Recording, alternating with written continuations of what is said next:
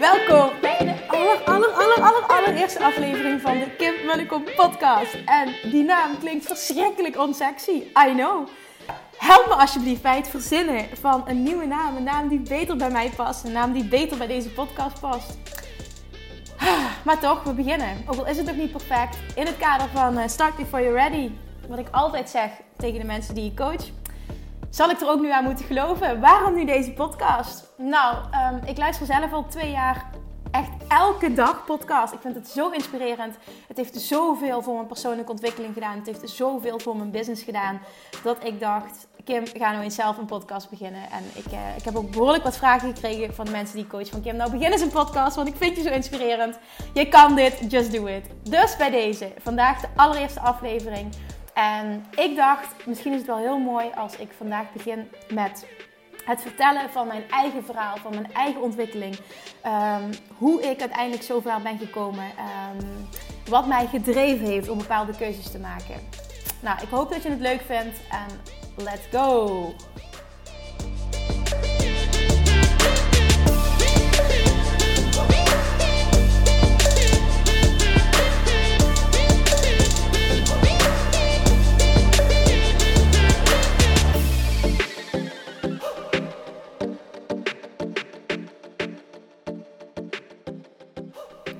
Hoe het allemaal begon.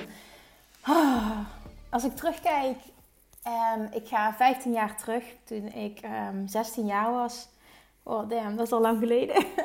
toen ik 16 jaar was, toen zat ik helemaal met mijzelf in de knoop. En um, mijn ouders zijn gescheiden toen ik 16 was. Dat heeft een hele grote impact op mij gehad. En ik was altijd zo'n meisje dat eigenlijk wel gewoon alles kon eten wat ze wilde. Um, nou goed. Hè, we zijn ook, ik ben ook wel opgevoed trouwens met gezonde voeding. Maar in principe ik altijd een enorme snoepkont geweest. En ik kon het altijd wel hebben. Tot mijn 16e was ik altijd uh, behoorlijk slank. En uh, het gingen mijn ouders scheiden. En toen kwam ik heel slecht in mijn vel te zitten. En merk ik dat ik enorme eetbuien kreeg. En zelfs zo erg dat ik doorat tot ik gewoon kotsmisselijk was. En, en periodes heb gehad dat ik probeerde een vinger in mijn keel te steken om het weer kwijt te raken. Dat is gelukkig nooit gelukt. Want waarschijnlijk had ik dan een hele grote eetstoornis ontwikkeld.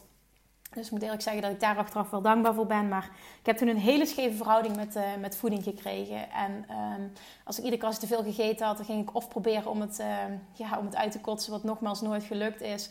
Of ik ging uh, heel overdreven sporten. Dan meen ik dat ik meteen moest gaan fietsen of gaan rennen, want het moest eraf. En het was echt verschrikkelijk. Het was puur dwangmatig. Ik genoot daar ook totaal niet van. Maar ja, ik zat gewoon super slecht in mijn vel. Uiteindelijk ben ik toen ook allemaal diëten gaan proberen. En het heeft me vijf jaar gekost voor ik uiteindelijk tot het punt kwam. Uh, toen was ik natuurlijk ook boven de 20, na 20. Dat ik dacht van ja, dit, dit kan zo niet meer. Het kostte me zoveel negatieve energie. Ik vermeed ook um, heel veel sociale situaties. Omdat ik echt zo ontzettend onzeker was. En doodongelukkig. En walgde van mezelf. Dit is niet overdreven. Ik walgde van mezelf ja, het was eigenlijk een verschrikkelijke tijd. Zeker als ik daaraan terugdenk, dan kan ik me daar ook weer helemaal... Ha, krijg dat gevoel ook weer helemaal terug. Um, het heeft vijf jaar geduurd en uiteindelijk kwam ik tot het punt dat ik dacht van ja Kim, dit, dit wil je niet. Dit is geen leven, dit kost je te veel energie. Ik ben er zo klaar mee om ja, elke dag zoveel energie te moeten verspillen aan negativiteit. Ik wil dit niet meer. En op dat moment dat ik er zo klaar mee was, toen, toen ik weet het niet. Op moment, net als dat er een lichtje aanging en, en ik verlegde mijn focus toen van moeten afvallen, per se willen afvallen, zo dun mogelijk willen zijn, naar eens kijken hoe ik zo goed mogelijk voor mezelf kon gaan zorgen. Zonder het dwangmatige, maar gewoon vanuit het lief zijn voor jezelf. En eens voelen, wat heb ik nou nodig? Waar heb ik zin in? Wat wil mijn lichaam? Uh, als ik een keer wil snoepen, dan doe dat. Zonder schuldgevoel. En het is echt niet zo dat je meteen die switch kan maken. Maar ik maakte wel op dat moment de keuze van... zo kan het gewoon niet meer verder. Ik wil het niet zo en ik bereik ook mijn doelen niet zo. Dus het moet, ik moet het over een ander boek gaan gooien. En het leek wel gewoon letterlijk of er vanaf dat moment een last van mij afviel. Ik, ik, het, het psychische stuk, het werd lichter. Het, werd, het, het dwangmatige ging eraf, waardoor de druk er dus ook afging. En op het moment dat de druk eraf gaat, wordt het als het ware easy. En toen ging ik keuzes maken die goed voelden. En ik ging meer eten. Ik ging mezelf niet meer straffen. Ik ging bewustere keuzes maken. Ik stapte niet over naar alleen maar gezond eten. Dat niet. Maar het was voor mij makkelijker om de, de vreedbuien te laten. Die, die waren er niet meer. Juist omdat de druk er vanaf was. En op het moment dat ik me iets oplegde, dan wist ik dat ik er niet aan kon voldoen. En ging ik juist dwangmatig eten. En op het moment dat ik het losliet, um, ja, ontstond er ruimte. En, en had ik de behoefte gewoon ook niet meer om dat te doen. En toen op dat moment is het echt zo geweest. Ik ging steeds meer eten. Ik merkte ook dat ik steeds meer honger kreeg. Vandaar ook dat ik nu uh, via Nooit meer op dieet werk met stofwisseling optimalisatie. Omdat ik gewoon echt heb geleerd dat het zo werkt. Je gaat steeds meer eten overdag. Um, waardoor ik gewoon steeds meer honger kreeg. Mijn stofwisseling ging op een hoger tempo werken. En ja, die kilo's die, die vlogen er gewoon echt af. Ik verloor toen in vrij korte tijd gewoon 10 kilo. En um, ik merkte ook dat ik het deed vanuit eh, de keuzes die ik graag wilde maken, de dingen die ik graag wilde, zonder dat ik dacht dat iets moest op een bepaalde manier. En naar mijn mening is dat echt de sleutel tot succes. Het doen wat bij jou past. Uh, er is geen uh, one size fits all of een quick fix voor iedereen. En toen viel ik dat af. En op het moment dat ik die kwijt aan het raken was, die kilo's, toen voelde ik al, die gaan er nooit meer bij komen als ik in balans kan blijven. Als ik lekker in mijn vel kan blijven zitten. Als ik die druk bij mezelf uh, kan weghalen en kan weglaten. En nou, dat gebeurde dus. En nou ja, tegen die tijd was ik natuurlijk absoluut nog geen, uh, geen ondernemer. Ik denk dat ik uh, rond de 21 was op dat moment. Ik studeerde nog. Ik vond mijn studie verschrikkelijk. Dus ook dat maakte dat ik... ik studeerde rechten in Maastricht, Nederlands recht. Ik vond het verschrikkelijk. Het ging ook helemaal niet goed op school. Um, het ging, ik had op dat moment een relatie. Dat ging ook helemaal niet goed. En nou ja, goed. Ik was heel blij met het feit dat ik afviel. Maar een aantal andere dingen had ik dus totaal nog niet op de rit. Ook de scheiding was ik nog steeds niet overheen. Ook al had ik wel een aantal psychologen bezocht. Maar dat, dat bracht me toch niet wat ik, uh, wat ik graag wilde. Uh, op een bepaald moment ging die rela relatie uit. En toen um, weet ik dat ik toen op mezelf ging wonen. Ik had toen een appartementje in Roermond in de stad. En op de een of andere manier, en ik weet niet meer hoe, kwam ik toen in aanraking met het boek The Secret. En ik weet niet of je het boek kent. Um, ik vind het een echte aanrader, al is het wel heel erg commercieel. Uh, maar dat boek dat deed zoiets met mij. Dat triggerde zoveel in mij. Dat gaat er namelijk om dat jij door de manier waarop je denkt je eigen leven kan uh, creëren. En dat fascineerde mij zo. Ook van ook de voorbeelden die erin genoemd werden. Van mensen die bepaalde dingen hadden bereikt. Dat ik daarna op internet ben gegaan. Dat ben ik gaan googlen. En toen vond ik het ene na het andere verhaal. De ene na de andere uh, ja, uh, situatie, succesverhaal. Ik kwam ook weer dieper materiaal tegen over de wet van aantrekkingskracht. En nou, dat ging voor mij gewoon een wereld open. En opeens zag ik alles wat lichter. Ik dacht, wat nou als ik dat, als het echt werkt, wat nou als ik dat op mijn eigen leven kan gaan toepassen? En toen weet ik nog, want dat is echt heel lang geleden al, dat ik ben gaan oefenen met, met positief denken, met anders in het leven staan, met ochtends anders opstaan. En dat deed wat met mij. Alleen al dat ik op een andere manier ging denken en in het leven stond uh, met de overtuiging: ik kan creëren wat ik wil. Toen op dat moment kwam er een hele mooie kans. Nou, kun je zeggen dat is toeval. Daar geloof ik dus niet in. Op dat moment, uh, ik studeerde nog rechten, maar het zat, ik zat helemaal niet lekker in mijn vel. Kwam er dus een, uh, een oproepje uh, op de interne website, op de website van, van de Universiteit van Maastricht. we zoeken buitenjuristen, was de, was de naam volgens mij. Of buitengriffiers, dat was de term, ja. En de bedoeling was dan dat je één dag per week mocht je op de rechtbank werken bij de sector straf. En dan mocht je rechters ondersteunen als de, in de functie junior secretaris. Nou, ik dacht, oh, dat lijkt me tof. Dan kan ik superveel ervaring opdoen. Je verdient wat bij. Je doet nogmaals meteen werkervaring op. Dat is wat voor mij. Misschien gaat het dan ook wat meer leven. Ga ik mijn studie leuker vinden. En ja, vind ik een beetje terug met mijn levensmissie terug. Nou, dat ging ik dus doen. Ik solliciteerde heel enthousiast. Ik dacht echt van, dat is ook hè. Op het moment dat ik iets doe, dat is wel zo. Heb ik altijd de overtuiging dat het lukt. Als ik iets start, heb ik altijd de overtuiging dat het succesvol is. Dus ik schrijf die brief. En uh, in de overtuiging, ik word het. En uiteindelijk kreeg ik dus een reactie van... Ja, Kim, uh, je bent met negen anderen uitgekozen om een assessment te maken. En um, uh, daarna willen we nog een, een persoonlijk gesprek met je... met drie mensen van de sectorleiding. Ik dacht, holy fuck. Wow, dit is tof. Met negen anderen en een gesprek met de sectorleiding. What the fuck? Dit komt er heel dichtbij. Maar ik voelde me super vereerd, want blijkbaar waren er dus 140 sollicitaties geweest. En we waren met negen personen waren we dus uitgekozen om een, uh, om een assessment te schrijven. Nou, dus ik naar die rechtbank toe de week daarna uh, naar Maastricht.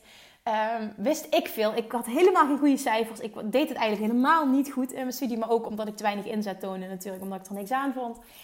Moest ik een, uh, ik weet nog, we moesten een betoog gaan schrijven. En uh, we kregen verschillende stellingen en daar moesten we dan een stuk over schrijven. Nou goed, ik vanuit mijn, mijn volle passie, mijn volle eerlijkheid, uh, ik, ik, kan me dat nog goed herinneren, ging ik heel enthousiast aan de slag met schrijven. En daarna had ik dus, na die opdracht, had ik ook nog een gesprek met de, met de sectorleiding. Nou, dat gesprek verliep echt super goed.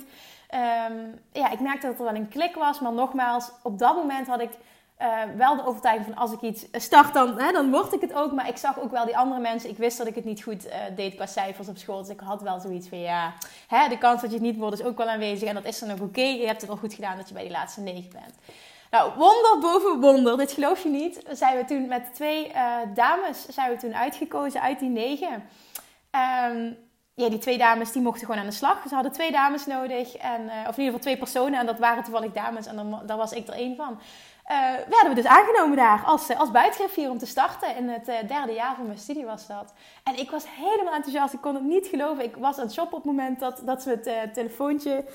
dat ze me belden, dus dat ik een telefoontje kreeg. Dat kan ik me ook nog goed herinneren. En ik was helemaal door het dolle heen. Ik dacht, what the fuck, hoe tof. 140 mensen, ik ben helemaal niet goed op school. En ik word toch gekozen. Wauw, dat, dat deed echt wat met mijn zelfvertrouwen. Wat op dat moment, heel eerlijk, um, best wel laag was. Het was al beter dat ik was afgevallen. Maar um, ik, had, ik heb ja, ik heb echt heel erg lang geworsteld met een heel laag zelfbeeld en heel weinig zelfvertrouwen. En uh, dat deed heel veel goeds voor mijn zelfvertrouwen, dat ze mij wilden. En toen vroeg ik, toen ik daar kon beginnen, dat was volgens mij een maand of twee weken later, ik weet het niet meer precies, startte ik daar. En toen vroeg ik ook. En een van die personen die uh, bij uh, dat laatste gesprek is geweest, vroeg ik van waarom nou ik? Waarom hebben jullie mij gekozen? En toen zei hij van ja, we voelden echt een enorme um, uh, drive bij jou. Een enorme drijfveer, een enorm enthousiasme, een enorme passie en een enorme leergierigheid. En dat sprak ons zo aan. En je was misschien niet de beste qua cijfers. We vonden wel dat je een heel goed betoog had geschreven.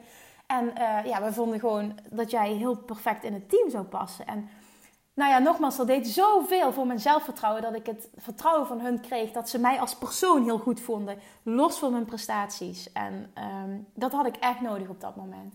Nou, dus ik heel enthousiast uh, gestart bij de rechtbank en nou, de eerste paar maanden was het natuurlijk super spannend. Uh, je komt in zo'n zaal met een, uh, een toga aan en je hebt uh, nou ja, goed, je, je, mag met de rechter sparren. Het zijn allemaal spannende zaken. Het was gewoon super leuk. En uh, de hele studie kwam tot leven. Ik heb gewoon ook daar, ik heb daar anderhalf jaar gewerkt uiteindelijk. En ik heb in dat anderhalf jaar, uh, ik denk al in een jaar, meer geleerd dan in drie jaar studie. Dat is gewoon ongelooflijk. Nou ja, in het begin was het dus allemaal fantastisch. Maar na verloop van tijd merkte ik dat ik dus steeds minder zin kreeg om naar mijn werk te gaan. Uiteindelijk was, werd het ook zo dat ik niet meer één dag in de week werkte, maar ik kon fulltime aan de slag. Dus mijn studie die leed daaronder. Maar ja, dat boeide me niet, want ik vond er toch reet aan. En toen, nou ja, goed, toen uh, kwam er een bepaald moment, en dat vergeet ik ook nooit meer, want dat is uiteindelijk de start van mijn ondernemerschap geweest. Kwam er een collegaatje uh, mijn kantoortje binnen op de rechtbank. En die zei tegen mij: Kim, mag ik wat vragen? Hoe kan het in godsnaam dat jij zo slank bent terwijl je de hele dag zit te eten? Wat doe jij? zei ze tegen mij. En toen kon ik ontzettend hard lachen. En toen zei ik, oh, maar ik werk met stofwisseling verhogen. Dat doe ik bij mezelf. En zo ben ik 10 kilo afgevallen. En zij wilde graag gewicht verliezen. En toen zei ze, ja, kun je me dat leren? Kun je me daarbij helpen? Want ik wil dat ook. Ik zie jou gewoon de hele dag eten en je valt, hé, je bent toch zo slank. Ik wil dat ook. Ik zei, ja, ja natuurlijk kan ik jou daarbij helpen. En uh, toen ging ik haar coachen. Ik ging haar helpen om af te vallen. En dat ging gewoon ook fantastisch. Zij viel ook echt heel erg goed af. Een paar weken later kwam een nieuwe collega, weer een dame, kwam ook mijn kamer op. Zegt ze, ja, ik, ik heb van, uh, hè, ik zal de namen niet noemen, maar ik heb van een collega gehoord dat jij er helpt bij het afvallen. Ik, ik zou ook wel graag willen afvallen. Kun je mij misschien ook helpen? Nou ja, ik weer super enthousiast. Ja, natuurlijk help ik jou. Hoppakee, ik ook haar een voedingsschema gemaakt, met haar aan de slag gegaan, principes uitgelegd. En ook zij viel af. Nou, een paar weken later, het is niet gelogen, komt er een derde collega. Weer een dame, komt mijn kamer op, zegt precies hetzelfde, wil ook geholpen worden. En ook zij gaat afvallen. Nou, en bij mij viel er nog totaal geen kwartje. Je moet niet denken van, goh, op dat moment eh, kwam de klik bij Kim van dit is haar missie. Nee, absoluut niet. Totdat die eerste collega die als eerste binnenkwam en die aan mij vroeg van wat doe jij? Jij vreet de hele dag door, je bent toch slank. Die zei tegen mij, Kim, waarom ga je hier niet iets mee doen? Je bent hier goed in. En op dat moment heb ik daar, ik weet niet meer hoe ik erop gereageerd heb, of ik daarop gereageerd heb, maar ik weet wel dat zij iets triggerde bij mij op dat moment. Ze zei ook tegen mij: Ik zie dat jij hier niet op je plek bent, dat je hier niet gelukkig bent. Je bent daar supergoed in. Waarom doe je daar niet iets mee? Toen ben ik s'avonds naar huis gereden en uh, van Maastricht naar Remond is ongeveer 30 minuten, 35 minuutjes. En toen weet ik nog dat ik in die auto alleen maar heb gedacht: Tja, waarom niet eigenlijk? Wat heb ik te verliezen? En ik denk dat er toen iets uh, dat er een knop omging. En toen heb ik twee weken later, dat kan ik me ook nog goed herinneren, heb ik mijn ontslag ingediend bij de rechtbank. Zonder dat ik een backup had. En nu achteraf weet ik niet meer precies hoe en wat ik dat. Want het was zo'n. Hoe en wat ik dat gedaan. Het was, het was zo'n overtuiging, zo'n zo'n diep vertrouwen, zo'n zo'n diepe, intense Ah, zo'n gevoel van ja, dit moet je doen. Ik, ik, dit is mijn missie, dit moet ik doen. Dat voelde ik zo sterk. En ik ging elke dag met buikpijn naar mijn werk uh, in Maastricht. Dat ik eigenlijk dacht van ja, dit kan niet. Op zo'n jonge leeftijd en dan je zo slecht voelen. Dit kan niet het leven zijn, dit moet anders. Dus toen heb ik, voor mij was het toen heel makkelijk om die stap te zetten. Nu als ik er achteraf over nadenk, weet ik niet of ik dat nog een tweede keer zo zou durven. Maar ik denk dat ik dit nodig heb gehad en het, en het ultieme vertrouwen heb gevoeld van dit is wat je te doen hebt. Oké, en toen? Toen was er eigenlijk helemaal niks. Ik had geen inkomen meer, ik had helemaal niks. En ja, ik had toch een huur die ik moest betalen. Um, toen was er niet echt paniek. Op de een of andere manier, omdat ik wel voelde dat het goed kwam. Um, toen ben ik begonnen met een paar uurtjes per week tennisles geven. Via via, ik tennis al uh, nou, vanaf mijn achtste, dus ik kon op een, aardig niveau kon ik tennissen. En een vriend van mij die kreeg een aanvraag voor uh, het lesgeven. En toen zei hij van, nou ik kan niet, ik zit al vol. Maar een vriendin van me, die kan ik wel vragen, want ik weet zeker dat zij dat net zo goed zou kunnen. Dus hij vroeg mij, zou je les willen geven? En toen dacht ik, ja, maar dat kan ik helemaal niet. Jawel, dat kun je wel. Start maar gewoon. En ik weet zeker dat je dat, uh, dat, je dat kan. En goed, ik had geld nodig. Dus ik dacht inderdaad, weer die houding. What the fuck, waarom niet, hè? Dus toen ben ik begonnen met lesgeven. Dat begon met drie uur per week. Nou, dat is in verhouding heel weinig. Maar ik had ook, ook wel best wel weinig kosten. En ik had een goed spaargeld. Dus ik redde me op dat moment. Daarnaast ben ik een studie begonnen toen. Uh, als voedingsdeskundige. Omdat ik uh, die richting op wilde.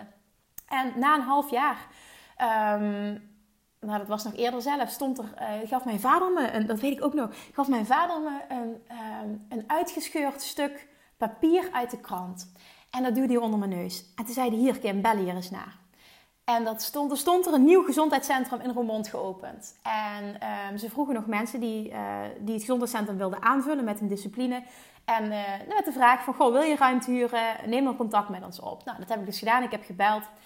En eh, ze hadden nog niemand op het gebied van voeding. En ik mocht me daar komen voorstellen, een presentatie geven om te kijken of er een klik was met de rest. Nou, zo gezegd, zo gedaan. Een week later had ik een presentatie in elkaar gezet. En weet je, ik had nog niet eens mijn studie af, wist ik veel, helemaal niks. Maar ik dacht, ik ga er gewoon voor. Ik doe maar wat, het komt vast wel goed. Nou, dus ik die presentatie geven. Nou, het klikte met de mensen. Ze dachten, ja, voeding hebben we nodig. Het, hè, het klikte qua persoonlijkheid heel erg. En um, toen mocht ik daar een ruimte gaan huren. Alleen de voorwaarde was, het moest een huurcontract getekend worden van twee jaar. Terwijl ik dus geen klanten had, ik had helemaal niks. En nu denk je misschien, my god, hoe heb je dat gedurfd? Ja, achteraf denk ik daar nu ook zo over. Maar op dat moment voelde dat zo normaal en zo natuurlijk. Dat dat natuurlijk was wat ik moest doen, want dat was mijn missie. En het zou helemaal goed komen dat ik gewoon dat contract getekend heb. Ondertussen uh, was het zomer geworden, want in de winter was ik begonnen met uh, tennisles geven. Ondertussen was het zomer geworden en we hebben het nu over juni trouwens. En uh, in september zou ik, nee was juli, sorry. En in september zou ik mijn praktijkruimte, zou de open dag zijn en moest mijn praktijkruimte klaar zijn. En dan dacht ik, wauw, open dag, dan gaan de mensen komen, gaan de klanten komen, dan gaat het helemaal goed komen met mijn eigen zaak.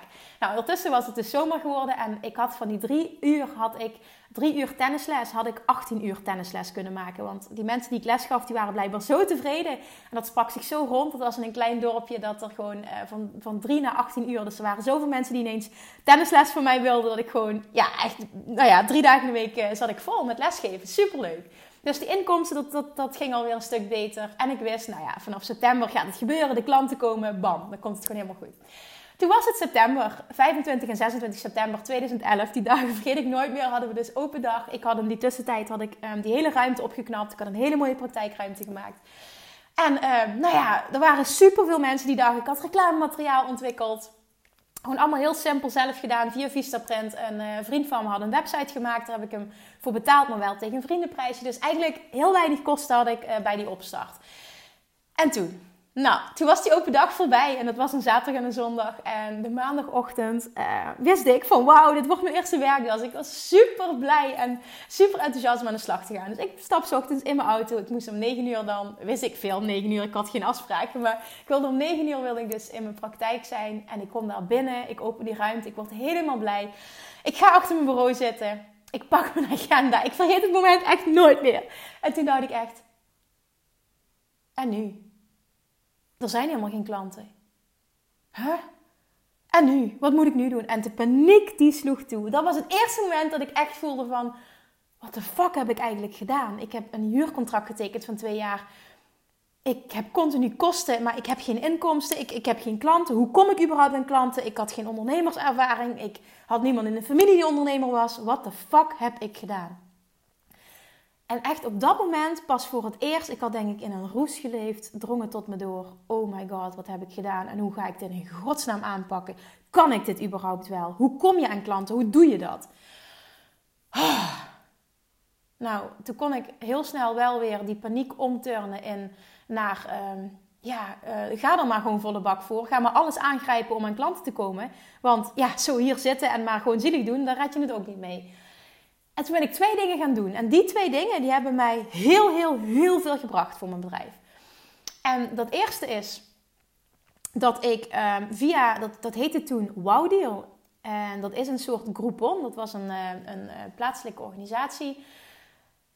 Zij deden uh, deals maken voor mensen, bijvoorbeeld voor, voor mensen die wilden afvallen. Kon ik een programma samenstellen, bijvoorbeeld een maand begeleiding.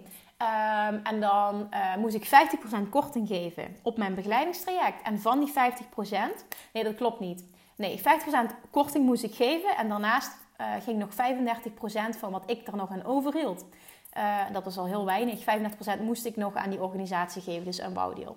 Dus uiteindelijk hield ik daar geen reet aan over qua inkomsten. Maar ik dacht, ik moet alles gaan doen om ervoor te zorgen dat mensen me leren kennen. Want als ze me kennen, dan willen ze hulp van me. Dat, dat, die overtuiging had ik dan wel weer. Zonder dat ik dat arrogant bedoel. Maar ik had echt zoiets van, nou, ik weet nu ondertussen dat ik dit kan. Ik heb het voor mezelf voor elkaar gekregen bij mezelf.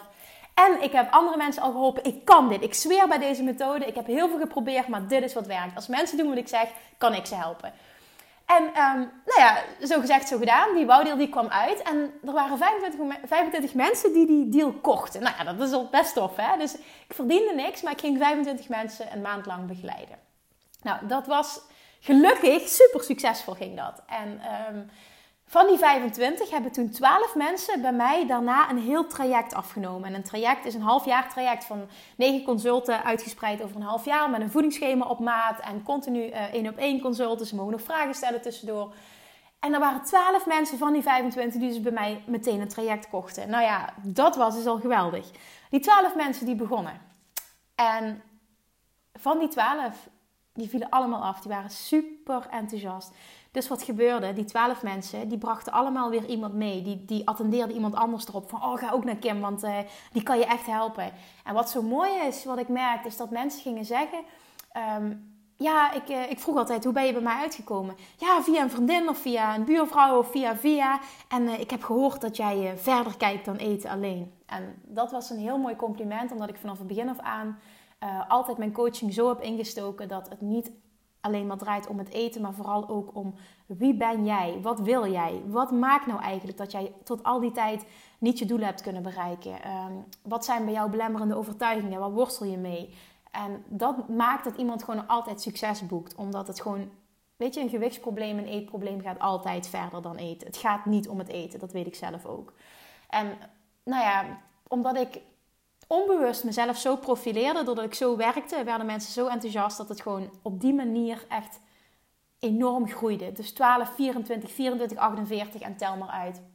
Nou, daarnaast heb ik ben ik overal in de buurt van Roermond en omstreken ben ik presentaties gaan geven. Overal, uh, ik belde overal naar, naar, naar, organisaties, naar bedrijven, naar scholen, naar personal trainers, fysiotherapeuten, bootcamp instructeurs.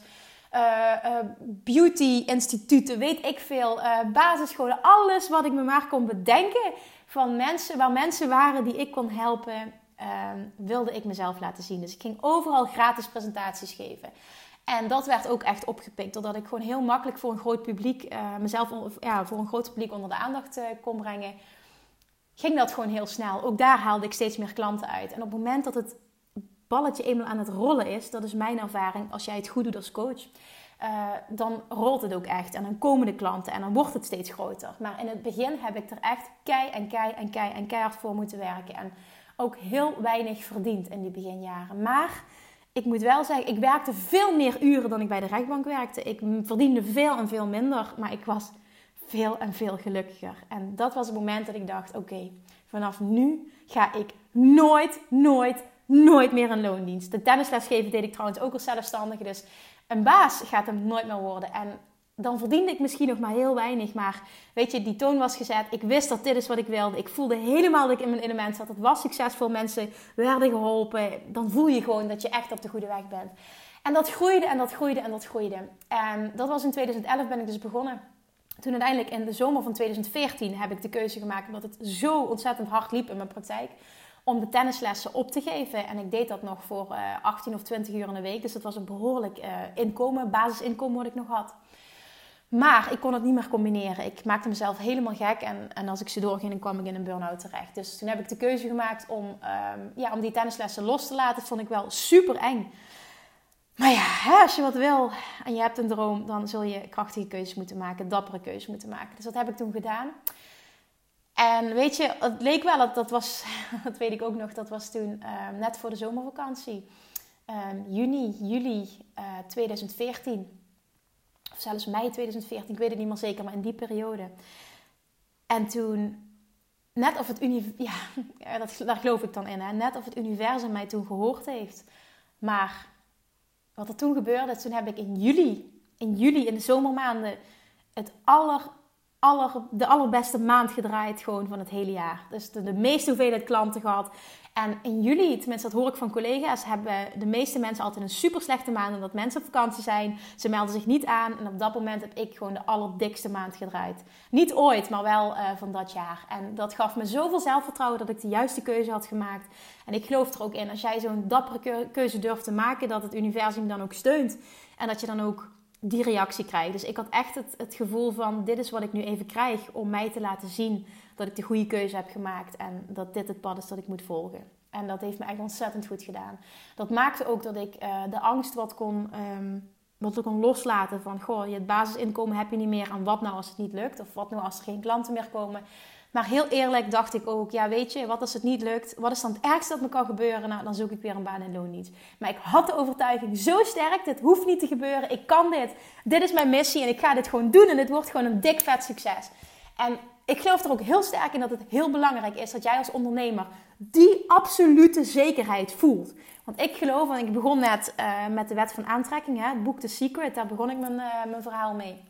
Ik geloof er dus heel sterk in dat op het moment dat jij als ondernemer, je begint je bedrijf of je bent al langer bezig en er zit een breuk in jouw zelfvertrouwen of in jouzelf of um, in, in, in de manier waarop jij coacht, de diensten die je aanbiedt. Hè? Je zit niet daarin 100% in die overtuiging dat jij de allerbeste bent die iemand maar kan krijgen om het probleem voor op te lossen.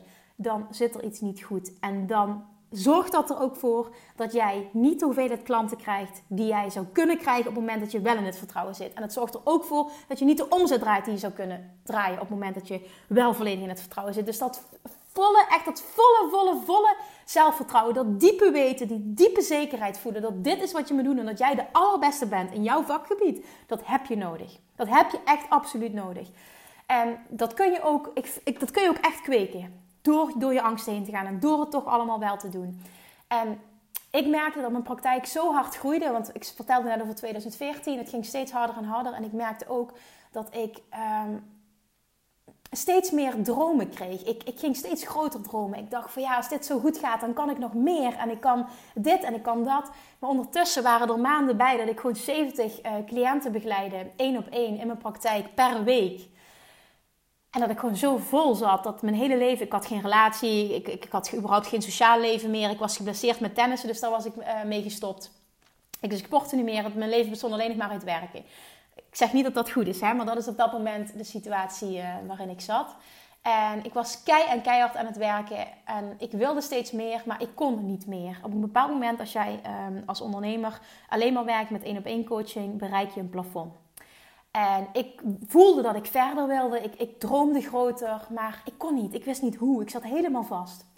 En toen in 2016 kwam het pas het moment, dat heeft een hele tijd geduurd. Ik wist namelijk niet hoe en wat. Ik voelde dat er meer was. Ik voelde dat er meer voor mij, uh, dat, dat ik meer in mijn macht had. Maar ik wist niet hoe en wat en hoe ik het moest vormgeven. En toen ben ik eigenlijk maar doorgehobbeld. En wel met volle passie, want ik vond het super leuk wat ik deed. Maar in 2016 kwam er dus een moment dat ik in aanraking kwam met een andere manier van ondernemen. Ik kwam uh, via internet, kwam ik. Ehm, uh, zag ik allemaal mensen die, die bezig waren met online ondernemen, die hun laptop meeneemden, die naar het buitenland gingen, die daar werkten, die daar klanten coachten. En ik dacht echt, wow, dit is tof, dit wil ik ook. Als je toch eens zo'n leven kan hebben. En ik had altijd al heel erg de droom om um, een hele tijd naar het buitenland te gaan. En het liefst ook om te werken. Want ja, hoe mooi is het als je naar het buitenland gaat en je mooie dingen kunt zien en toch inkomsten uh, kunt genereren. Dus ik dacht echt, wauw, als andere mensen dat kunnen, dan wil ik dat ook. Ik moet dat ook kunnen. En ik wist nog niet hoe en wat, maar ik dacht wel, dit is ook voor mij. Ik ga dit doen. En toen ben ik in september 2016 met mijn beste vriend op vakantie gegaan. En toen weet ik nog dat ik tegen hem uitsprak: vanaf nu gaat er iets veranderen. En toen ik thuis kwam, ook toen viel weer alles op zijn plek. De dag dat ik thuis kwam van vakantie, kwam er een advertentie op Facebook voorbij voor een opleiding van ehm, eh, het, het, het, het, creëren van online programma's. Dus om je bedrijf van offline naar online uh, te, te, te, te zetten. Te maken, te, te, te gooien, whatever. Ik weet niet wat het goede woord is, sorry. En ik dacht, oh, dat is wat ik moet doen. En eerst zou dat, uh, die opleiding starten in januari. En toen startte er een uh, extra ronde in oktober. En het was op dat moment al september. Ik dacht, ja, dit moet ik doen. Dit is wat ik moet doen. Dit komt niet van links op mijn pad nu. Dit is wat ik nodig heb. En toen, uh, ja, toen ben ik daarin gestapt. En toen ging er echt een wereld voor mij open. Qua, het was trouwens het, ehm, het programma Maak Prachtige Online Programma's en Pop van Simone Levy. En Simone Levy is echt een onderneemster die heel ver is in het online ondernemerschap die al heel veel heeft bereikt. Het is fantastisch wat ze allemaal doet. En door haar ben ik gaan zien, onder andere door haar ben ik gaan zien, ook Elke de Boer en uh, Amerikaanse ondernemers, uh, dat, het gewoon ook, dat er echt een wereld is die ik nog nooit had gezien, die ik gewoon niet kende. En dat ik echt dacht van wauw, dit is echt het allermooiste wat er is. En als je het combineert met de wet van aantrekkingskracht en je eigen leven uh, inrichten zoals jij het wil, nou, dat, dat, dat kon je helemaal prima met, met elkaar combineren. Het resoneerde allemaal met elkaar. Ik dacht echt van, dit is het gewoon, dit wordt mijn leven ik startte dus die opleiding in, eh, in oktober. En ehm, nou, die mensen die ik ontmoette, je, zat op zo'n ander level. En ik kon ja, op zo'n ander niveau met mensen praten. En die mensen hadden allemaal dezelfde visie. En ik dacht echt, wauw, dit is zo geweldig. En nou ja, ondertussen liep mijn praktijk door. En de bedoeling was dat ik een online programma zou gaan ontwikkelen. Maar ik merkte ook dat ik er heel erg tegenaan liep om... Um, uh, dat ik werk met mensen die willen afvallen, om van tevoren al iets te uh, creëren, vond ik lastig op dat moment. Waar mensen dan wat aan zouden hebben. Dus op de een of andere manier paste hetgene wat ik was gaan doen. Die opleiding paste niet helemaal bij mij. Omdat uh, ik misschien nog niet zo ver was. Of het gewoon op dat moment niet de goede keuze voelde. Um, maar in ieder geval, ik was wel die opleiding aan het volgen en uh, ik ontmoette allemaal mooie nieuwe mensen. Maar ondertussen, nogmaals, mijn praktijk die, die liep gewoon door. En net of dat het universum me iets wilde vertellen, maar ik kreeg steeds meer, aan, meer aanmeldingen, meer aanmeldingen. En uh, ik, ik kon het gewoon echt nog maar heel slecht aan. En ondertussen was ik wel al een tijdje bezig met iemand in te werken. Want ik wist al, ik wilde iemand bij gaan pakken. Want mijn praktijk, mijn bedrijf wordt te groot. Ik wil dat iemand voor een deel het gaat overnemen. Dus zij was al een, een aantal maanden aan het meelopen. En dat ging echt super goed. Ik leerde haar van alles en ze was super enthousiast. En ik merkte dat ze ook helemaal paste bij mijn bedrijf. En toen was het december, kerstvakantie. En uh, ja, ik merkte dat het gewoon steeds slechter met me ging. Heel eerlijk had ik al vanaf oktober bijna elke dag knallende hoofdpijn. Ik was altijd moe. Um, ik merkte heel eerlijk ook dat ik het werk minder leuk vond omdat het te druk was. Ik kon het gewoon niet meer aan. Ik vond het, het, de mensen vond ik leuk om die te helpen, maar ehm, ik merkte ook dat ik maximaal 12 klanten op een dag aankon. En er waren momenten bij dat ik er 16 op een dag had. En dan kwam ik gewoon echt met knallende koppen en kwam ik thuis. Het was gewoon veel te veel. En toen was het 5 januari 2017. En ik geloof dat het 5 januari was als ik het goed heb. Het was een donderdagavond. Ik kwam terug van het sporten. Ik was met, uh, met Jordi, mijn beste vriend, was ik uh, gaan fitnessen. En ik kom thuis en ik voel me ineens zo ontzettend slecht. Ik weet niet wat dat was. En ik voelde dat mijn, mijn lijf werkte gewoon niet meer mee. En mijn benen werden slap. En ik zakte gewoon op dat moment, zakte ik letterlijk door mijn benen heen. En ik, ik, ik ging met mijn knieën kwam ik dus op de grond en ik voelde me slecht en ik begon te huilen. En ik weet nog, dat was winter, het was heel koud. Ik ben toen tegen de verwarming aangekropen in een appartement. Ik was alleen thuis. Ja, überhaupt, ik, ik, ik woonde alleen, dus natuurlijk was ik alleen thuis. En ik voelde me zo slecht en ik wist niet wat, wat er aan de hand was, wat er, wat er gebeurde. Ik had net gesport, ik voelde me nog super goed, maar ik kwam thuis en ik voelde me zo ontzettend slecht. Mijn lichaam deed pijn, ik, ik had die kracht niet meer, ik voelde me super slecht. Ik wilde alleen maar huilen en huilen en huilen en ik wist niet waarom. En toen heb ik, toen heb ik geloof ik mijn vader opgebeld, de, de vriendin van mijn vader. En ik gewoon verteld wat er aan de hand was. En toen gaven zij mij dus toen eerlijke feedback van ja Kim, we hadden al een beetje dit zien aankomen, want het ging ook gewoon niet meer hoe jij bezig was. En ik denk dat ik het gewoon zelf niet gezien heb, omdat ik zo in die flow zat, dat ik gewoon niet meer zag dat ik kapot was, dat ik elke dag hoofdpijn had, dat het gewoon echt niet meer ging. En ik denk, nu terugkijkend, dat ik gewoon of heel erg tegen een burn-out aan zat, of dat het gewoon eventjes een burn-out was. In ieder geval huilen, huilen, huilen, huilen, huilen. En toen uh, heb ik ook nog was heel lief, een hele goede vriend van mij opgebeld. Dat is mijn ex-vriend, is nu nog steeds een hele goede vriend van mij. En die is naar me toegekomen en die heeft toen echt tot midden in de nacht bij me gezeten op de bank, met me gepraat. En ja, dat was echt ontzettend fijn. Daar ben ik hem nog steeds dankbaar voor.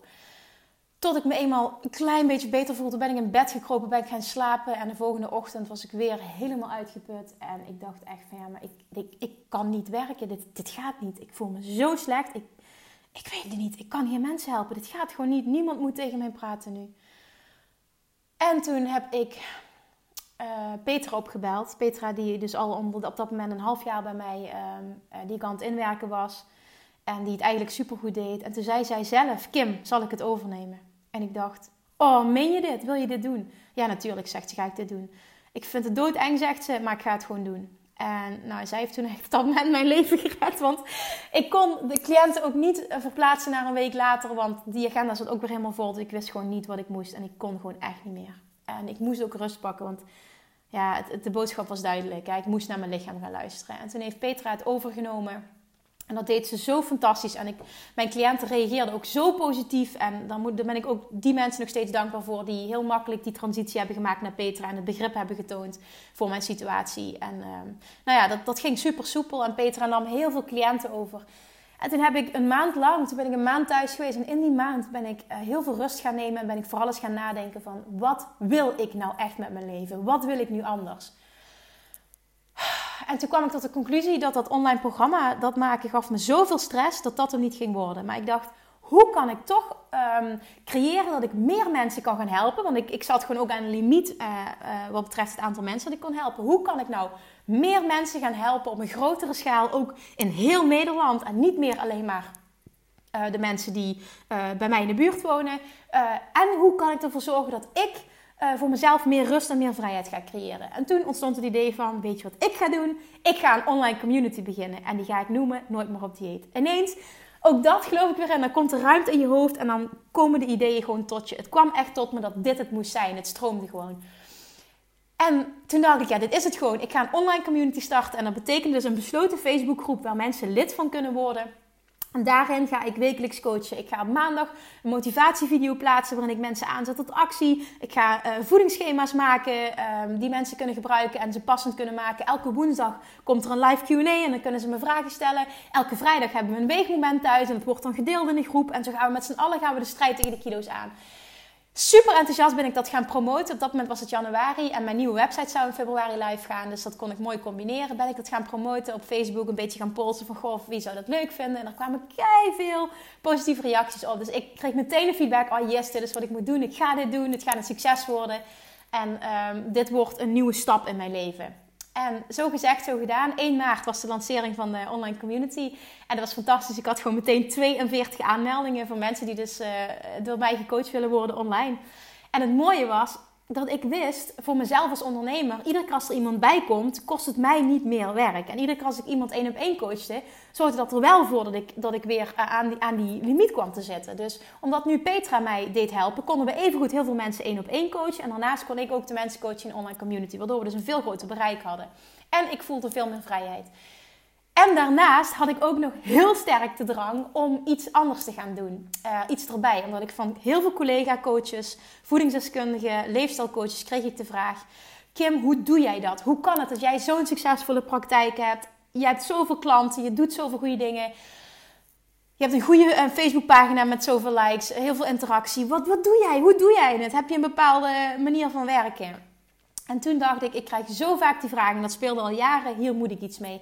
Ik ga collega's helpen, collega-coaches, uh, om een praktijk succesvol te maken. En ook dat heb ik aangekondigd op Facebook.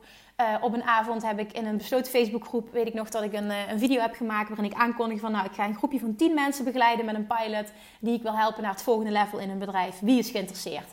Nou, ik geloof binnen 5 minuten had ik gewoon meer dan 10 aanmeldingen, dus die groepje zat acuut vol. Superleuk. Ook tegen een pilotprijs deed ik dat wel, omdat ik ook voor mezelf moest uitvogelen van waar ben ik nou goed in en uh, wat kan ik vooral nog verbeteren als business coach.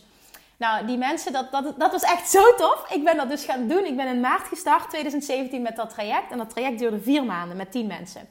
En na drie maanden had gewoon al 75% van die groep. Ik, ja, het is, ik geloof 8 van de 10. Dan weet ik niet meer zeker. Of het, er, het kan ook 7 van de 10 zijn Maar in ieder geval meer dan de helft van die dames had toen al hun baan opgezegd. En dat was het doel. Hè? Het doel was voor hun, ik wil fulltime leven van mijn praktijk. Ik wil meer omzet, meer klanten. Ik wil dat het me meer rust geeft. En ik wil gewoon lekker mijn eigen ding kunnen doen. En die baan en loon iets op kunnen zeggen. En dat lukte gewoon.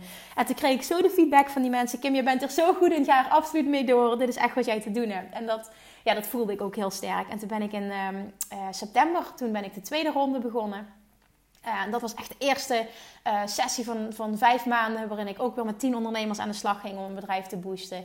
En dat gaat ook weer zo goed. Die ronde is net afgelopen. En ja, ondertussen hebben jullie misschien ook meegekregen, ben ik afgelopen jaar daardoor dat ik mijn hele bedrijf nu, wat ik doe, tenminste online heb gegooid, uh, ben ik dus mijn grootste, allergrootste droom kunnen gaan najagen. En dat is dat ik ja, gewoon twee maanden, en eerst was het een half jaar, ben ik naar Bali gegaan helemaal alleen uh, met mijn laptop mee heb ik gewerkt. En dat was echt mijn ultieme droom. Dat is het aller, aller, allermooiste wat ik ooit in mijn leven heb gedaan. En ik ben zo dankbaar dat ik dit mag meemaken en dat ik nu dit leven mag leiden. En ondertussen is er, heb ik een fantastische man ontmoet. Ik, ik heb een hele fijne partner nu. Er is zoveel veranderd doordat ik keuzes heb gemaakt die bij mij passen. En doordat ik liever voor mezelf ben geworden, dat ik meer balans heb gevonden. En ik meer naar mijn hart ben gaan luisteren. En ik begon het hele verhaal met het boek The Secret. Ik geloof daar zo sterk in dat jij je eigen leven kunt creëren met de gedachten die jij hebt. Hoe pas ik dit nu toe met dit alles? Ik heb alles, ook dat hele Bali-stuk, het hele online stuk. Ik heb precies van tevoren gevisualiseerd hoe ik het wilde hebben. Ik heb me voorgesteld hoe het zou zijn als ik dit leven zou kunnen leiden. Hoe het zou zijn, hoe ik me zou voelen. En dat is super belangrijk. En dat is waar ik merk waar de meeste mensen nog een beetje de fout in gaan als je het hebt over de wet van aantrekking. Alleen denken, alleen positief denken brengt je niks. Je moet een diep, diep, diep vertrouwen hebben in jezelf dat je dit voor elkaar gaat krijgen. Een diep vertrouwen en een diep weten dat dit gaat gebeuren. En dit diepe vertrouwen moet ervoor zorgen dat jij echt van binnen gewoon een, uh, zo'n heerlijk, lekker brandend, passioneerd, gepassioneerd gevoel krijgt van dit is het, dit ga ik doen, dit gaat lukken. Een absolute zekerheid. Als je die niet voelt, dan heeft de wet van aantrekkingskracht geen zin. Dan kun je denken wat je wil, dan kom je dan niet. En uiteindelijk natuurlijk zul je de acties moeten ondernemen die daarbij passen. Want alleen maar met denken en met hopen en met voelen ga je ook nergens komen. Maar dat is absoluut voor mij in ieder geval de sleutel tot succes. Echt het visualiseren, het voelen, die absolute zekerheid. En ten derde de juiste stappen, de actiestappen ondernemen die daarbij horen om je doelen te bereiken. En dat is soms heel erg lastig. Voor mij is nu bijvoorbeeld ook weer een nieuwe stap, die podcast. Ik wilde het al heel lang, maar ik durfde niet. Het was weer iets nieuws. Zitten er mensen wel op te wachten? Kan ik dit wel? Hoe gaat het überhaupt? Hoe zet je zo'n muziekje in elkaar? Hoe neem je zo'n podcast op? What the fuck? Ik weet het allemaal niet. Maar dat is dus altijd als je iets nieuws begint. Maar weet je, ik heb uh, ooit gehoord uh, van een Engelse podcast dat een dame zei: Everything is figure outable. En dat vond ik zo'n mooie uitspraak. Dus eigenlijk alles kun je uitvogelen. Everything is figure outable. En dat is nu ook een beetje mijn motto. Weet je, Kim, als je echt graag iets wil, dan ga je er gewoon voor. En dan uh, komen de juiste mensen op je pad om je te helpen. Je mag om hulp vragen. Uh, je kunt alles op internet vinden. Het is gewoon je eigen angst die je blokkeert en die je ervan weerhoudt om het niet te doen. En dat is zo, zo, zo fucking zonde. En dat hoop ik jullie met dit verhaal. En ik weet dat het behoorlijk lang was. Dus dankjewel als je het helemaal hebt afgeluisterd. Wat ik jullie wil meegeven vandaag is: laat je angsten los. Of voel ze. Ze mogen er zijn, maar ga toch voor wat je wil. Doe het toch. Ga er vol voor. Want wat je nu hoort van mij, denk je misschien van: oh, dit leven wil ik ook. En precies die gedachte had ik toen ik iemand anders zag die dit leven had. Waarvan ik dacht: oh, dit wil ik ook. En ik weet nu dat je echt alles kan bereiken wat je wil. En ik heb nog heel veel dromen die ik ga najagen. En ik weet ook zeker dat ze allemaal gaan slagen. Maar je zult dingen moeten doen die je eng vindt. Je zult uit je comfortzone moeten gaan. Je zult die stappen moeten zetten. En je zult het vertrouwen moeten hebben. Echt, echt, echt. En geloof mij, als je dat allemaal doet en je vindt dat en je voelt het en je gaat er gewoon voor en je stapt uit je comfortzone en je doet het toch, ondanks dat je bang bent, dan ga je een super vet, fantastisch leven tegemoet. Oké, lieve, lieve mensen, nogmaals dankjewel voor het luisteren. Uh, ik hoop dat het je heeft mogen inspireren. Dit was de eerste aflevering. Er gaan er nog heel veel meer volgen. Ik zou van jullie heel graag feedback willen ontvangen. Um, over uh, waar je graag meer podcast over zou willen horen. Wat voor onderwerpen zou je graag willen dat ik meer spreek over mindset? Zou je meer over mijn eigen verhaal willen horen? Zou je meer willen weten over uh, nooit meer op dieet? Zou je meer willen weten over mijn business coaching? Zou je meer willen weten over uh, hoe je meer zelfvertrouwen krijgt? Zou je, ik noem maar iets. Hè? Je mag me alles vragen. De onderwerpen waarvan ik denk van, oh, die resoneren echt met een groot publiek, die ga ik uh, gebruiken en, en daar ga ik een podcast, podcast over opnemen. Maar ik heb jullie feedback nodig, dus alsjeblieft laat me weten, wat wil jij weten in deze podcast? Waar wil je dat ik je mee help? Oké, dan gaan we afsluiten. Ik vond het super leuk om te doen. Ik vond het ook super spannend om te doen. En hopelijk wordt het vanaf nu alleen maar makkelijker. Tot de volgende week. Doei!